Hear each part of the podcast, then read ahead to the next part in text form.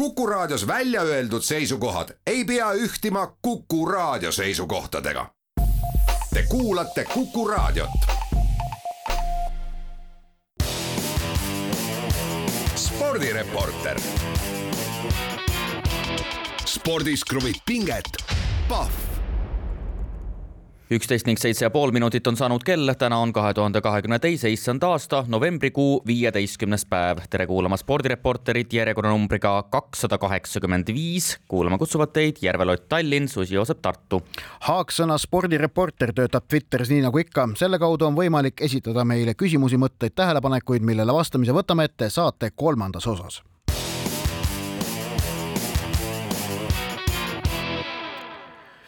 aga alustame tänast saadet nagu ikka kiirete aktuaalsete teemadega. olgu öeldud, et jalgpalli MM-finaalturniiri juurde, mis pühapäeval algab, tuleme ette tuleme nii oma saate teises, kolmandas kui ka neljandas osas, aga esimeses me sellest ei räägi, vaid esimese saate osa neli teemat on äh, jalgpalliväline sport ning alustame autoralliga, sellepärast et äh, möödunud nädalavahetusel Jaapanis jõudis lõpule tänavune autoralli MM-sari.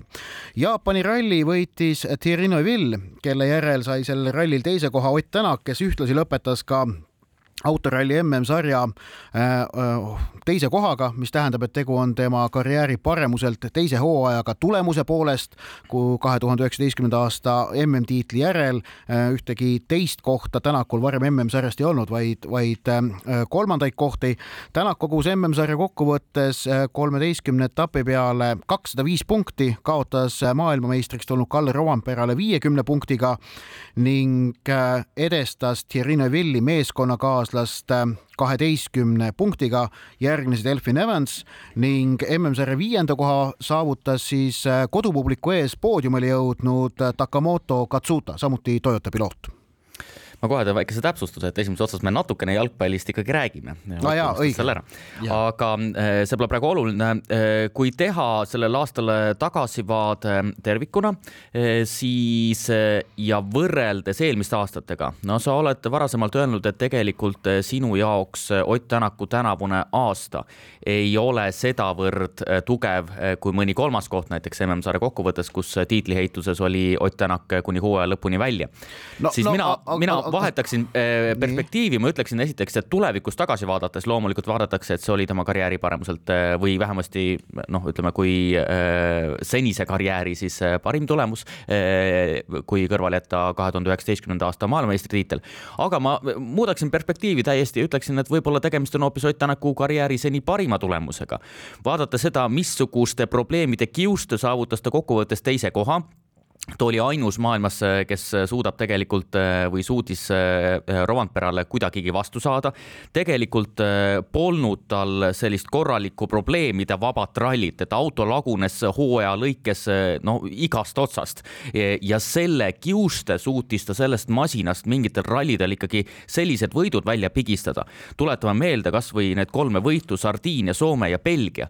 no vaadates tema varasemaid võite, kui ta ka Toyotas maailmameistriks tuli, no need võidud olid, äh, olid võib-olla noh, käkitegu põhimõtteliselt, arvestades Tänaku kiirust.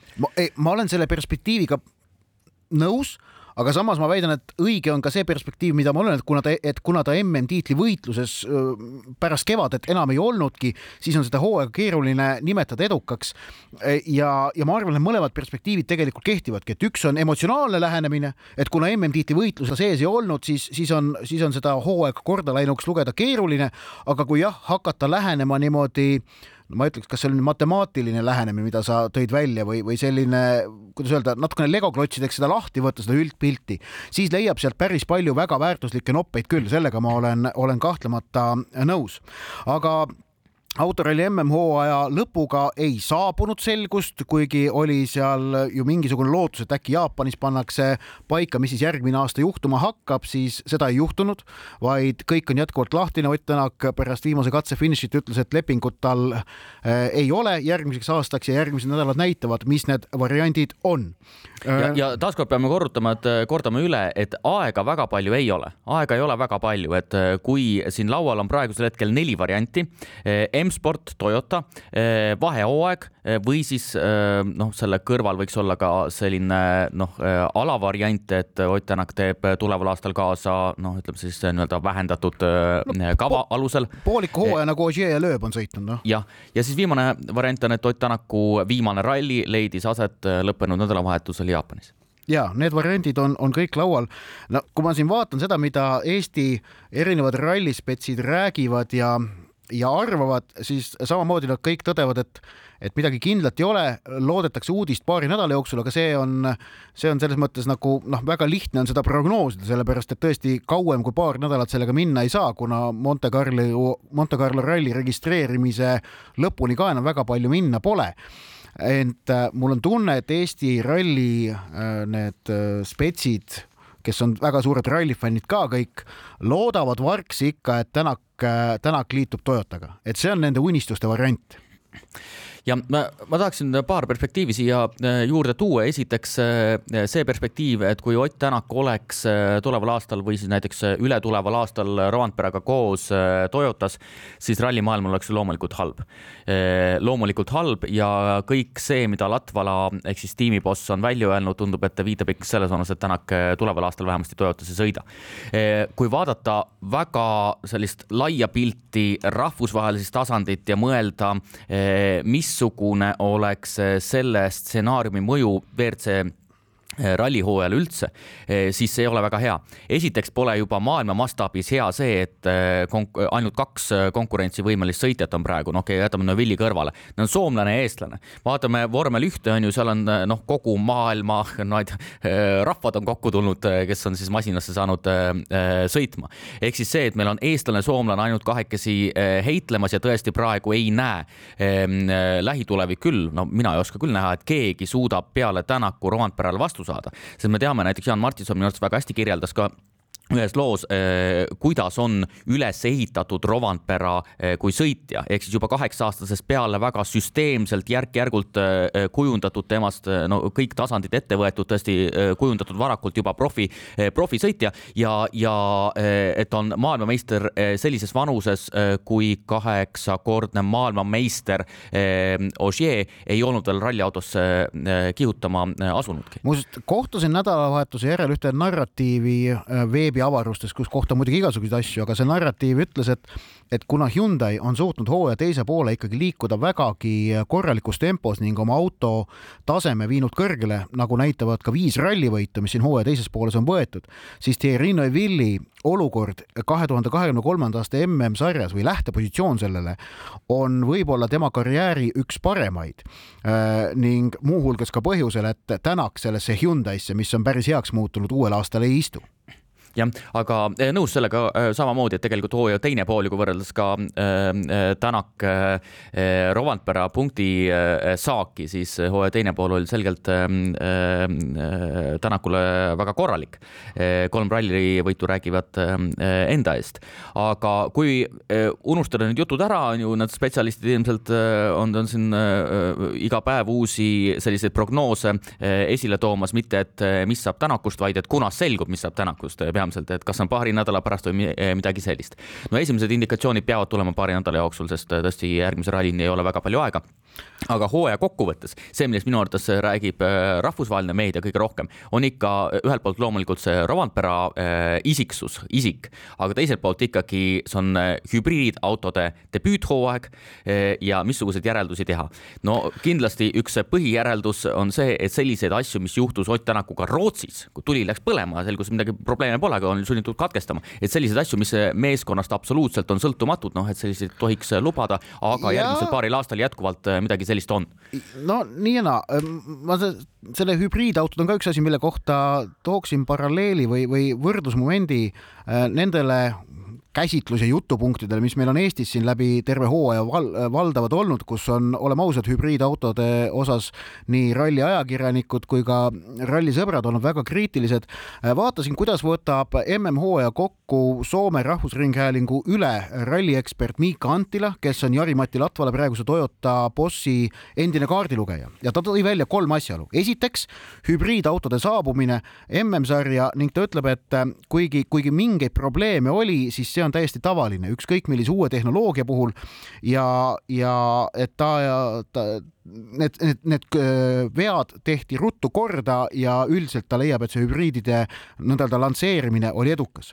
teiseks äh, Rovanpera ülivõimsus on see, mille ta ikkagi välja toob, et, et see on olnud äh, fenomenaalne ja erakordne ning kolmandaks rõhutab Antila ka seda, et tõesti, et Toyota järgmisel hooajal tegelikult on võidetav, et, et, et tänavu platsi puhtaks löönud ja tiitli võitnud Toyotale järgmisel hooajal vastu saamine on rivaalidel, ennekõike muidugi Hyundai'l eh, lihtsam, sellepärast et on Hyundai ka oma oma arendusega järele jõudnud. et, et see on siis Soome poolt vaadatuna perspektiiv, mul on tunne, et me oleme Eestis olnud äh, läbi rallihooaja kinni väga palju selles, mida arvatakse meie ajakirjanike poolt, aga ka selles, mida siis Dirtfishi ralliportaalis maailma mõned juhtivad ralliajakirjanikud kirjutavad ja arvavad, sest noh, Dirtfish tõlgitakse ju Eestis ähm, täies mahus ära teatavasti jah, ja kui vaadata eh, sellest perspektiivist Thierry Neuville'i karjääri, siis viis korda MM-sarjas kokkuvõttes teine ja kaks korda kolmas, et, et no mingis mõttes ikka päris, päris kahju, kui eh, Neuville lõpuks eh, jääbki tiitlit, aga praegu tundub sinna suunas asi minevat.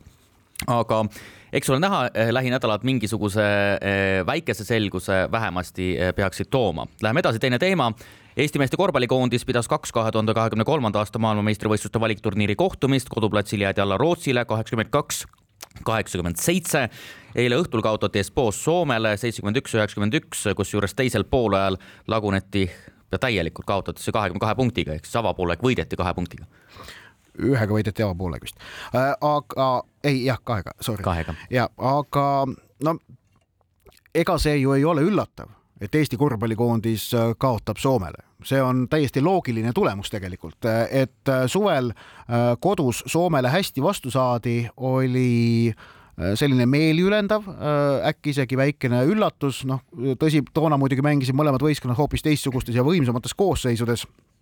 aga see on ju ka pallimängude puhul loogiline, et mida rohkem, äh, mida, mida väiksem riik, seda valusamalt ja mida väiksem valik, seda valusamalt annab liidrite puudumine tunda. Ja no Eesti koondis oli tegelikult oma parimas koosseisus nendes MM-valikmängudes väga kaugel jah, ja kasvõi meie Euroliiga staarid eh, olid eemal, aga eh, kui natukene eh, siis no midagi järeldada, siis võib-olla seda, et see individuaalne tasemevahe ikkagi Eesti-Soome vahel pääses maksvusele, et ikkagi kogu kohtumise ulatuses Soome-sugusele satsile Eesti praegusel hetkel vastu ei saa, kuigi võiks öelda, et ka individuaalsed tasemevahed nagu, nagu kui lähemalt vaadata, et need ei ole väga suured ühelt poolt. aga kui vaadata nüüd kogu tänavust äh, aastat, seda aastanumbrit, siis ähm, Eestil on äh, seis selline, et mängitud on kolmteist äh, kohtumist, noh, rahvusvaheliselt olulist kohtumist ja saadud on kaks võitu, ehk siis viimasest kaheteistkümnest mängust vaid üks võit ja MM-sarjas siis nii-öelda vahegrupis on kirjas praegu kaks võitu ja kaheksa kaotust veebruaris. viimased kohtumised kodus Sloveeniaga, võõrsil Rootsiga. no Aga, kust, kust ja... oleme ausad, võitu loota on keeruline, no tegelikult Rootsi no, vastu. Rootsi vastu miks mitte, et Rootsi vastu mäng näitas, et äh, Rootsit hammustada oleks äh, võimalik küll, aga kui vaadata. ja, ja, ja, viimase... jah, ja Rootsil endal on lootused kadunud ka, nii et see on selles mõttes tühi mäng jah, aga kui vaadata siis neid äh, tänavuse aasta kohtumisi, et tõesti viimasest kaheteistkümnest mängust üks võit brittide vastu finaalturniiril, äh, kindel võit ja väga ilus esitus, aga enne seda vaid äh, siis MM ähm, valikturniiril esimeses ringis on ju, võideti kodus Poolat nelja punktiga, kohe seejärel kaotati võõrsil kahe punktiga, aga pääseti edasi. ja edasi on järjest kaotatud siis Saksamaa, Iisrael ja Sloveenia, Soome siis finaalturniiri kohtumised ja nüüd uuesti valikmäng mängud, et eh, tegelikult nagu sellist ühtegi nagu väga-väga suurt põrumist otseselt ei ole. aga, aga mida võiks see näidata, et eh, neid võite ei tule, et tegelikult eh, noorele satsile ka puhas selline võidukogemus on väga oluline no emotsionaalselt kahtlemata järjest kaotamine nörritab ja muserdab vaimu, aga samas tulemus on aus lakmuspaber ning tuleb meeles pidada, millises seltskonnas Eesti koondis need tänavused võistlusmängud on pidanud. Need on peetud ju pea eranditult Euroopa kahekümne nelja tugevama seas EM-finaalturniir ja ka see MM-valikturniir, mis praegu käivad, seal ju sinna, seal ju osalevad Euroopa kakskümmend neli paremat meeskonda ja järeldus, et Eesti on seal ainult ühe kohtumise suutnud võita või noh, sel aastal kaks, aga viimasest kaheteistkümnest ainult ühe, näitab seda järelikult, et tase, kus praegu mängitakse, ehk see Euroopa top kakskümmend neli on Eesti meeskonna jaoks tugev ja keeruline. Ega, ega see mitte midagi muud ei näita, see on, see on, see on aus nagu hinnang ning sa, see, see, ma arvan, asetab ka eh, või noh, on selline meenutus, et jutud sellest, kuidas Eesti võiks eh, EM-il püüda veerandfinaali pääseta, et, et ka kuueteistkümne sekka jõudmine, kui, kui järgmisele EM-ile, esiteks Eestil on vaja järgmisele EM-ile kvalifitseeruda. Ja see pole ka kuskil noh, ette kirjutatud, et see õnnestub, kuigi tahaks loota, et õnnestub muidugi, ehm, siis sealt selle järgmise sammu astumine kuueteistkümne sekka on ikkagi äh, tükk tööd jah, sest äh, vaadates ka ikkagi äh, lähemalt neid kohtumisi väga põgusalt, et äh, kõigepealt tõesti see hooaeg on olnud selline kuidagi sinusoidne selles mõttes, et, et ikkagi need suured kaotused Saksamaale, Iisraelile noh, ikka muutsid ka sellist mentaliteeti natukene, kuidas vaadati korvpallikoondist, aga, aga finaalturniiril loomulikult need kohtumised Ukrainale, Ukrainaga ja Horvaatiaga ehk siis need kaks väga valusat kaotust vastavalt ühe ja kolme punktiga näitasid, et tegelikult sealt edasipääs alagrupist on, see on sellele satsile lähiajal jõukohane Läheme edasi teema number kolm ning räägime vehklemisest, sest nädalavahetusel toimus äh, Tallinnas Kalevi spordihallis Tallinna mõõk. individuaalturniiril saavutas esikoha Tokyo olümpiapronks Alberta Santuccio. Äh, parima Eesti vehklejana saavutas veteran Irina Embrich kolmeteistkümnenda koha. naiskonna-turniiril oli äh, Eesti naiskonna tulemuseks kaheteistkümnes koht koosseisus Kristiina Kuusk-Embrich, Nelli Tihvert, Veronika Suikova-Veheldi kaotati kaheksandikfinaalis Hiinale, tõsi küll napilt, aga, aga ikkagi kaotati ning seejärel matšides üheksandale kohale saadi ka äh, kaks kaotust ja üks võit ning seetõttu äh, tulemuseks äh, lõpuks kaheteistkümnes koht, mis olümpiavõitjate jaoks kahtlemata rahuldav ei ole, aga samas tuleb meenutada, et olümpiavõitjaks tulnud võistkonnast kuulus sedapuhku naiskonda ainult Embrich ainult neljakümne kahe aastane Embrich, tõesti, Katrin on lehis põlvetraumaga eemal, Erika Kirpu tuleb tagasi, aga ikkagi randmevigastus, puusavigastus, Beljajeva sai, sai suvel eh, emaks, ehk siis ettevalmistus praegu väga eh, tugev ei saagi olla. ja tõesti, see Hiina kohtumine jällegi süstis mingit sellist optimismi, aga juhiti ka ju enne kaht viimast minimatši nelja torkega.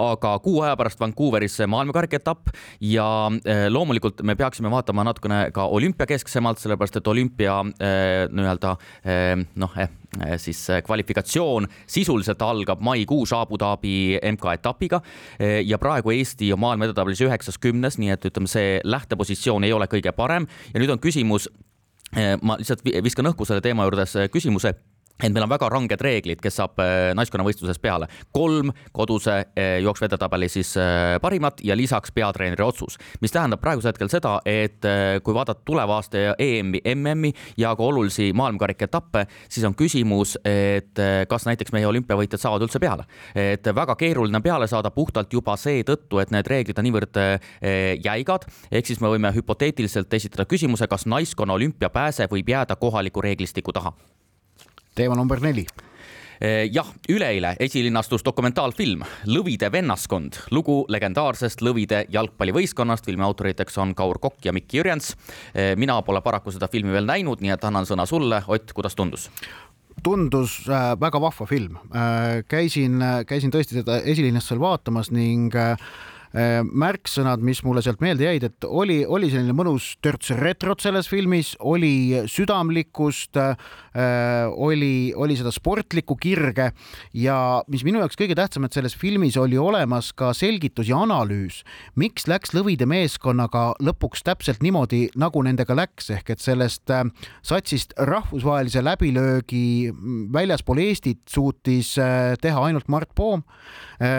Martin Reim ja Marko Krist aastal ähm, kogusid Eesti koondisest kahe peale kokku kolmsada A-maavõistlust, aga kumbki välismaal teab, mis kõrgele äh, välisklubides ei jõudnud ja miks ülejäänud lõvide meeskond, meeskonna liikmed tippjalgpallis noh, neid väga kõrgeid sihte, mida neile tegelikult nende Helsingi kapi võitude järel pandi, ei saavutanud. et see on selles mõttes hästi sel-, hea film, mis selgitab muuhulgas ka selle asjaolu ära, soovitan, soovitan tõesti kõigil kinno seda vaatama minna. nüüd aga väikene paus ning siis räägime jalgpalli MM-ist. spordireporter.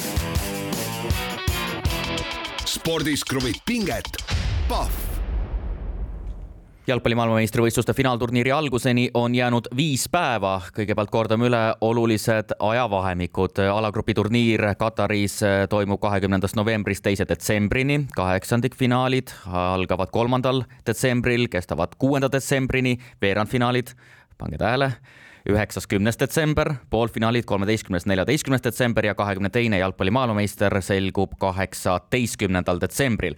võtame ette sportliku perspektiivi, võtame ette kõik kaheksa alagruppi, kõigepealt A-alagrupp Katar, Ecuador, Senegal ja muidugi Holland.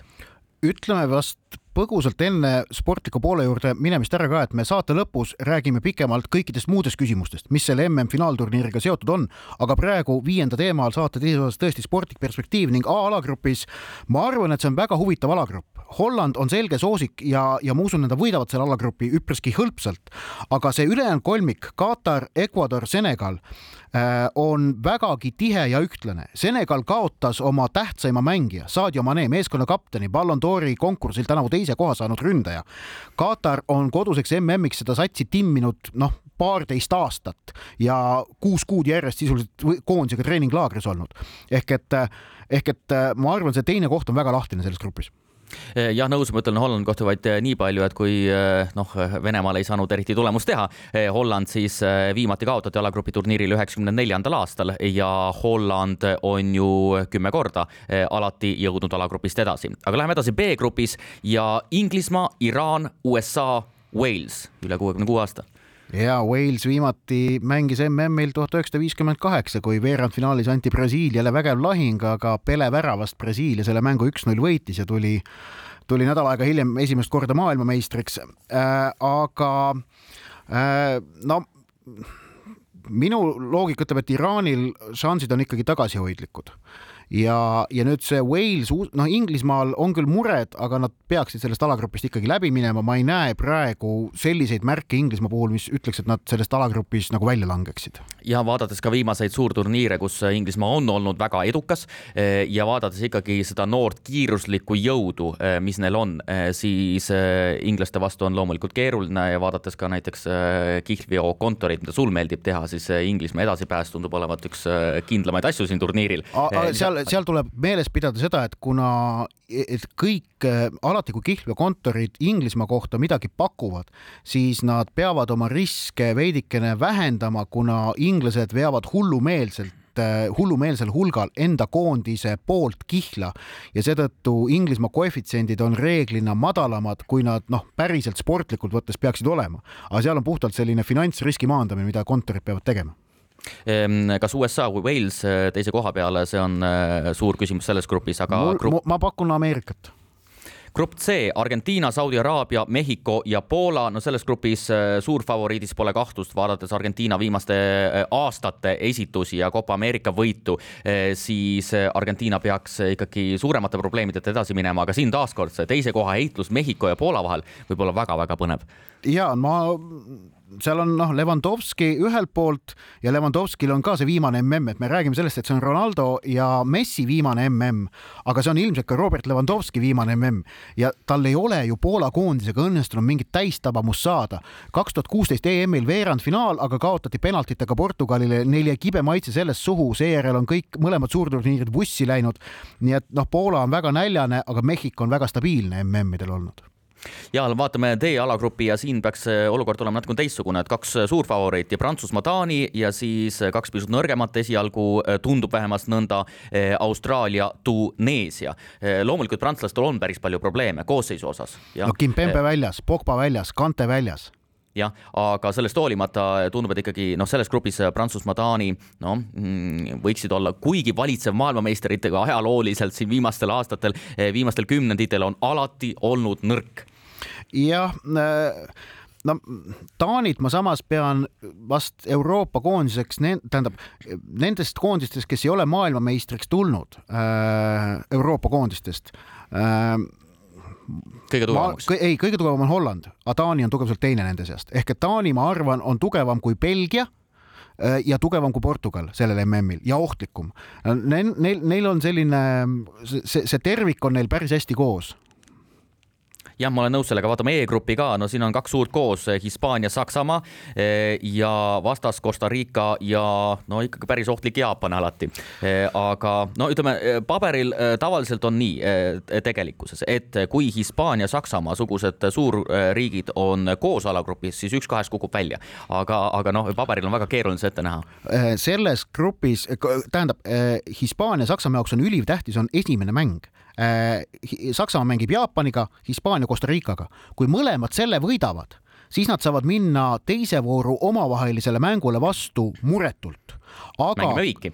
Äh, no kasvõi absoluutselt, äh, aga, aga kohe, kui emb-kumb oma esimeses mängus jääb võiduta, asetab see selle eksmaailmameistri suure surve alla. nii et, nii et neil, nende jaoks väga palju sõltub see, et nad avamängus kohe selle nõnda-öelda kohustusliku võidu kätte saavad F-grupis äh, no viimane võimalus sellel suurel äh, põlvkonnal, Belgia, aga äh, vastaseks viimatise MM-finaalturniiri finalist Horvaatia ja lisaks üle pika aja MM-finaalturniiril Kanada ja Maroko.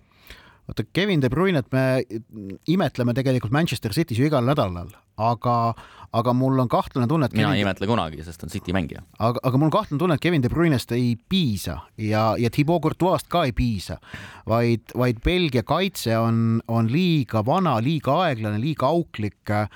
Belgia, ma arvan isegi, et võib valmistada pettumuse. Horvaatia läheb sellest alagrupist edasi.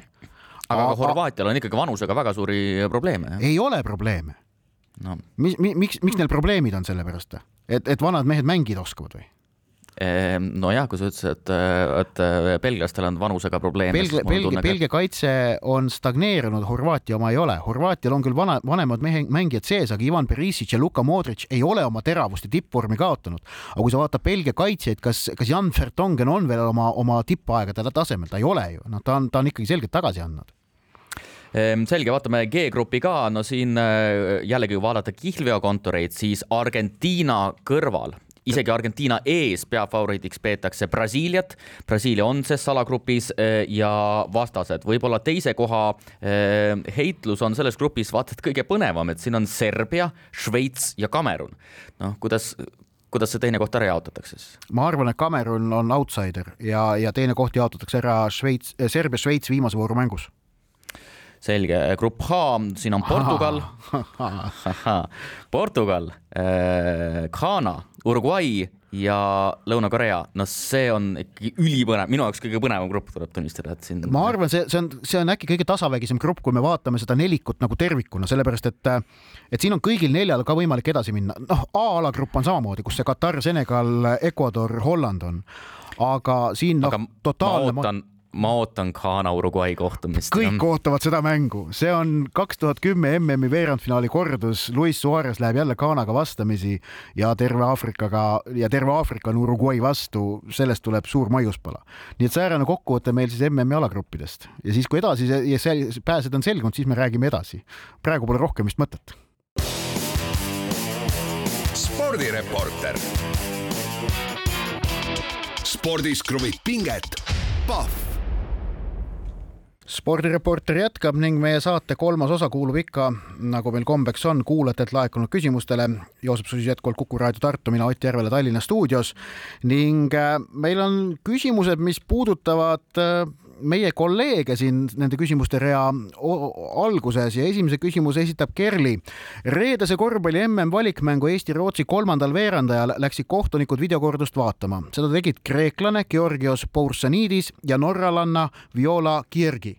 TV6 eetris kommenteeriti episoodi nii tsitaat.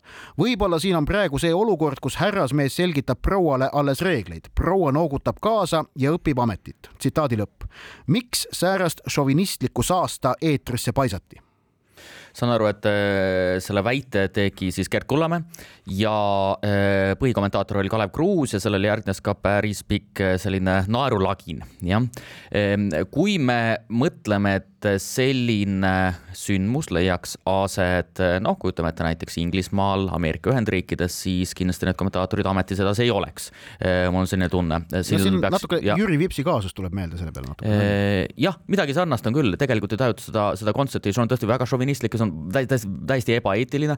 Eh, kui isegi abikommentaatoril midagi sellist juhtub, jah, ta võib-olla ei, ei ole eh, välja õppinud seda, et kuidas täpsemalt neid väljaütlemisi kontrollida, jah, siis loomulikult peaks põhikommentaatori poolt järgnema vabandus, aga see oli tõesti ikkagi väga selline, noh, väga selgelt oli näha, et, et, et need ka väga üleolevalt kommentaatorid suhtusid, naiskohtunik, mis see naiskohtunik, ta ei tea reegleidki. ja no, päris. ja, aga see ei tähenda seda, et naiskohtunikke, kui nad kui, kui nad vilistavad meeste, meeskondade mänge, ei tohiks kritiseerida, kahtlemata tohib, samamoodi, aga neid tuleb kritiseerida täpselt samadel alustel ja ka kiita täpselt samadel alustel nagu, nagu teisi kohtunikke, et ka see Viola Georgi, noh, ma ei ole korvpallikohtunike nüanssidega kursis ja nende tasemega kursis, aga noh, must puudub igasugune kahtlus, et ta määrati sellele kohtumisele tulenevalt tema tasemest. me näeme ju Euroliigas ka, kuidas naiskohtunikud korvpalli Euroliigas vilistavad, nii et.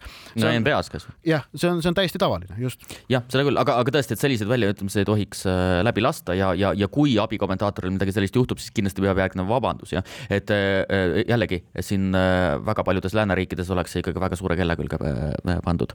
Läheme edasi, Taavi Mikku on esitanud küsimuse, kas saatejuhid oskavad kommenteerida, kuidas pääsevad Eesti jalgpalli premium-liiga teleülekandeid kommenteerima tegelased, kes ei oska rääkida, kellel pole midagi sisulist öelda ning kelle kommentaarid koosnevad öötamistest, äätamistest, nohitamistest, etitamistest ja, ja jaatamistest vaataks Eesti jalgpalli teleülekandeid hea meelega, kui ei peaks taluma kellegi mitte midagi ütlevaid mõttetuid konarlikke heietusi või saaks valida sootuks ilma kommenteerimiseta staadioni helitausta kuna mina ka aeg-ajalt premium-liiga mänge kommenteerin, siis ilmselt käis see minu kohta või, või võis käia ka minu kohta igatahes.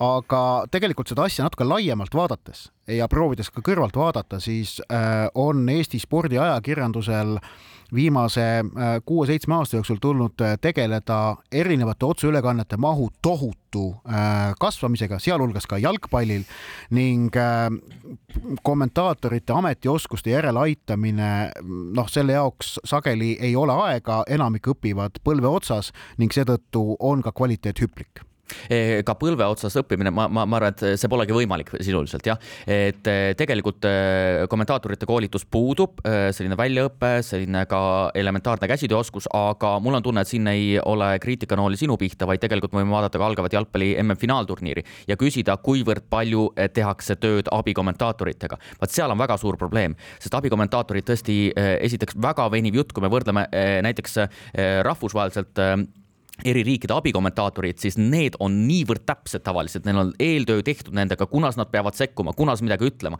et selline pikk jutuvada, eh, millel puudub osutus, millel puudub nagu täpsus, mis lihtsalt võtab kinni mingisugused asjad, hakkab edasi veeretama. no seda, seda ei tohi, tohiks lubada. ehk siis eh, tõesti eh, minu ettepanek oleks ka seda, et, et finaalturniiri kohtumisi näiteks oleks võimalik jälgida ka ilma, ilma kommentaatorite helita tõsi, see, tuletan meelde, see küsimus puudutas premium-liigat, Eesti jalgpallimeistrit. seda küll, aga see on üldine probleem ja see kõik algab ikkagi koolitusest jah, sellest et sellega ma olen nõus, et kommentaatorid on paratamatult liiga või, või mitte liiga palju, vaid väga palju ja loomulikult see tase ongi kõikuv ja see on, see on paratamatu, seal ma ei näegi siin tegelikult suuri probleeme.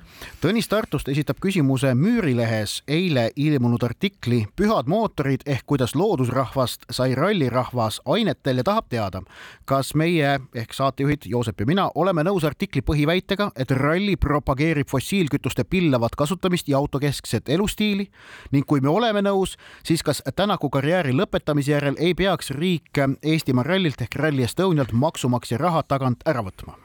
Jah, Hannes Aava kirjutas loo Müürilehes ja paar sellist põhiseisukohta, mis seal oli, tsiteerin, kas Euroopa üks kõige kiiremini autostuv riik peaks jagama oma riigieelarvest heldelt miljoneid spordialale, mis propageerib fossiilkütuste pillavat kasutamist ja autokeskset elustiili. ei ole just kuigi hästi varjatud tõsiasi, et nii palju kui ralli on sport, on see ka auto kui liikumisvahend ja neid tootvate brändide otsene reklaamiplatvorm, tsitaadi lõpp. ja neid tsitaate selliseid oli päris palju.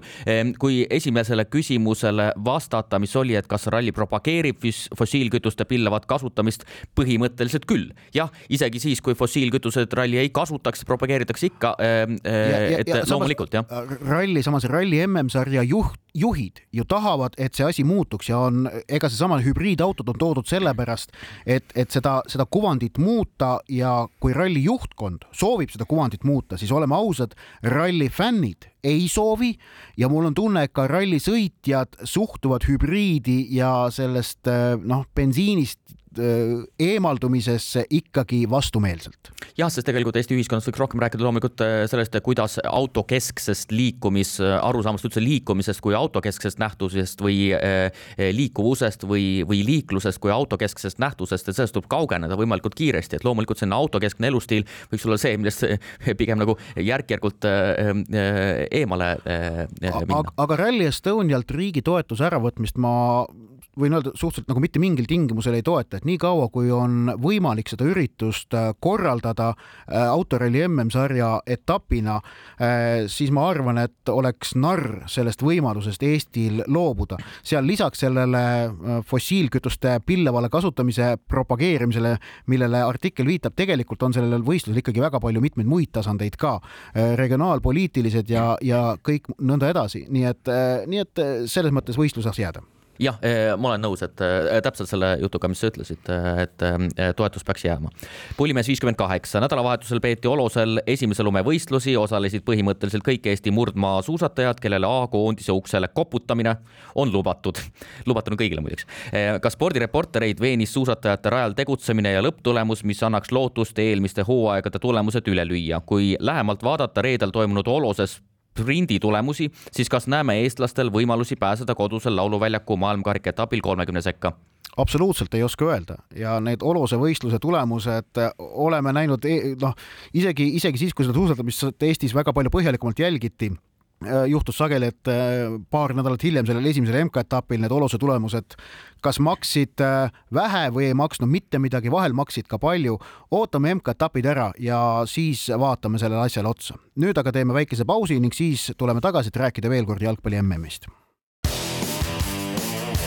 spordireporter.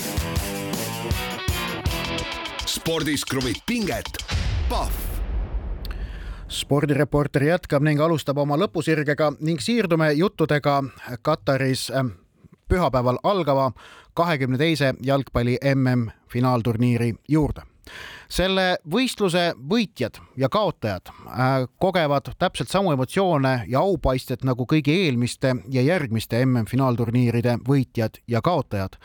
aga juba praegu võib öelda, et kõik see, mis puudutab platsiväliseid asjaolusid, mis on seotud Kataris toimuva MM-finaalturniiriga, pälvib, ma arvan, rohkem tähelepanu kui kunagi varem ka rohkem kui kaks tuhat kaheksateist Venemaal toimunud MM-i puhul.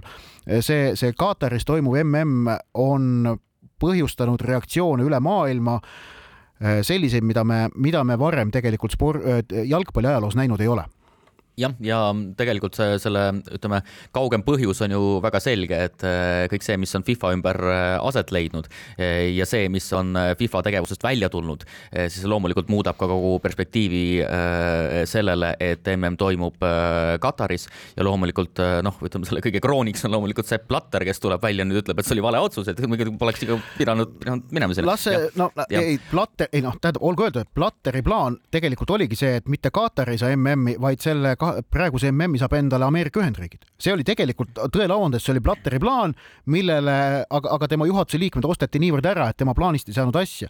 aga, aga noh, näiteks kuivõrd suurt kriitikat see Katari MM on saanud siis Philip Lahm, äh, järgmise EM-finaalturniiri korralduskomitee juht ja kahe tuhande neljateistkümnenda aasta maailmameister Saksamaa toonane kapten oli ta ka, kui ma õigesti mäletan, ähm, avaldas eile äh, mitmes Euroopa ajalehes oma kolumni, kus ütles, et Katarile poleks äh, mitte mingil juhul tohtinud MM-i anda, see oli viga ning toob välja ka asjaolu, et kui Araabia maailmal või Araabia maadel üldse MM anda, siis on palju sobivamaid riike kui Katar, kus puudub igasugune jalgpalliline pärand.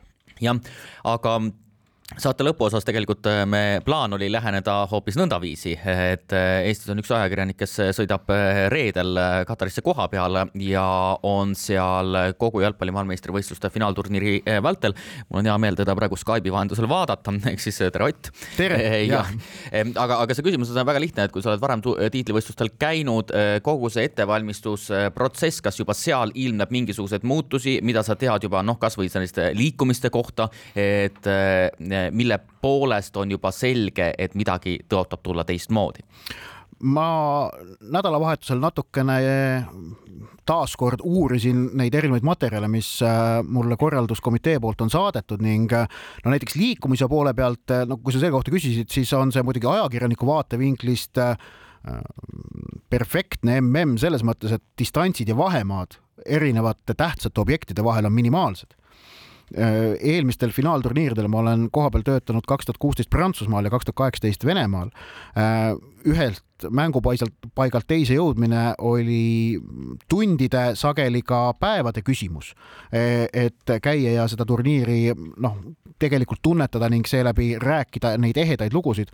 Kataris on peapressikeskusest kõige kaugemal asetseva staadionini seitsmekümneminutiline bussisõit, pooled staadionid on poole tunni kaugusel no et see, ütleme niimoodi puhtalt nagu professionaalsest vaatepunktist võetuna on, on muidugi tore, aga jah, et kui ma nüüd seda ütlen, siis keegi paneb mulle sildi külge, et ma ütlen, et mm Kataris on tore. ei, see ei ole tore, et see ei tohiks seal toimuda, aga, aga fakt on see, et seal kohapeal äh, erinevate objektide vahel liikumine ja seeläbi turniiri tunnetamine on äh, võrreldes pea kõigi teiste suurvõistlustega väga hõlbus kas äh, kuigi palju hoiatatakse ka ette, et äh, mida tohib teha, mida ei tohi teha või siis ikkagi välismaalt tulnutele, nii ajakirjanikele kui ka fännidele on asi natukene lihtsam?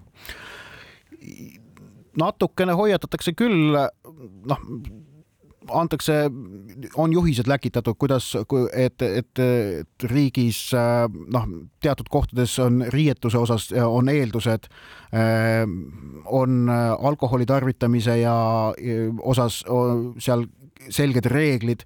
Ähm, aga midagi nüüd väga sellist ausalt öelda karmi äh, silma ei torganud. küll aga naljakas oli see, et, et ametlikus meediateadmikus on, on siis eraldi peatükk, et äh, Katari köök või noh, Katari, Katari toidud ja siis algab see peale lausega Katari köök, ei traditsiooniline Katari köök on mitmekesine ja maitsev, punkt. Et, et sellise, sellise nagu faktiväitega alustatakse no päris paljud äh, eri riikide fännid äh, on otsustanud igaks juhuks mitte äh, väisata Katarit. ja, ja selle kohta oled näinud juba videoklippe mis, mi, mi, mi, mis on tagajärg? Kataris on organiseeritud seal siis ilmselt kohalikke elanikke, kellest paljud on võõrtöölised, nende poolt noh, grupid, et mitte öelda jõugud, kellel on antud vastavate riikide sümboolika ja kes praegu seal tantsivad ja etendavad äh, Hispaania, Saksamaa ja Inglismaa fänne. vaatad neid videoklippe ja noh, saad aru, et need ei ole ei Inglismaa, ei Saksamaa ega Hispaania päriselt fännid, no, no inimeste ilmest saab seda aru, välimusest ja see on päris sürreaalne vaatepilt, aga ma ei kujuta ette, no ma väga huviga ootan, et kas nad jõuavad tõepoolest ka staadionitele ja kas nad staadionitel, kas neid proovitakse välja mängida kui autentseid fänne. sellepärast nad, nad kahtlemata ei ole seda. ja no aga, aga, aga noh, säärane potjomkinlus noh, ei ole ju, ei ole ju lõpuks üllatav. no jalgpalli MM-idel pole kunagi sellist äh, staadioni atmosfääri nagu paljude klubi äh, äh, kohtumiste puhul, see on selge, aga ikkagi väike oht, ma saan aru, et on, et ka tribüünidel või kogu see äh, MM-i melu päris selline ei ole, nagu ta võiks olla Ehm, nii ja naa. või vastupidi, et see ma, lähedus hoopis lisab. ma arvan, see lähedus muudab hõlpsamaks selle, et need fännid, kes sinna kohale tulevad, äh, nende jaoks on palju hõlpsam äh, erinevate mängude külastamine, sest et kõik ongi ühes kohas koos. Ja noh, me räägime sellest, et Euroopa fännid hakkavad hoiduma MM-ist ja see kahtlemata vastab tõele et Euroopa fänne ilmselt reisib sinna selgelt vähem, kui võiks, võiks, võiks arvata. aga samas tuleb meeles pidada, et MM-i osalejaskond ei piirdu Euroopaga, ma ei usu, et see Ladina-Ameerikat piirab. ma ei usu, et Aasiast tuleb väga palju vähem toetajaid sinna kohale, ehk et need kõik on ikkagi kohal ja noh, argentiinlasi ikka mitukümmend tuhat, mehhiklasi samamoodi ja nemad kõik on seal kohal ja ma arvan, nemad siis annavad seal seda, selle võrra rohkem tooni, mida vähem on seal eurooplasi, aga meil võiksime vist veel rääkida, Joosep, aga meil hakkab saateaeg otsa saama ah soo ja siis läheme soovituste juurde, ma soovitan ka jalgpalli, aga jalgpalli MM-i vaatavad kõik na, nii ehk nii, aga üks äh, veel olulisem turniir on äh, peagi algamas, ehk siis Balti tur-, Balti turniir ja, ja äh, Eesti mängib homme äh, Riias Lätiga ja laupäeval mängitakse siis koduplatsil teine kohtumine.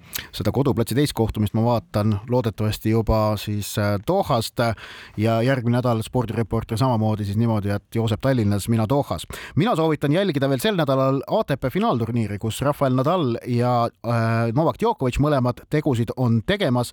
meie saadet jääb aga lõpetama propelleri laul Eila veel pühapäeval PÖFFi spordifilmide programmi raames esilinastunud Lõvide vennaskond maalib ette pildi Eesti spordielust kaheksakümnendatel aastatel ja sinna kuulus ka kahtlemata ansambel Propeller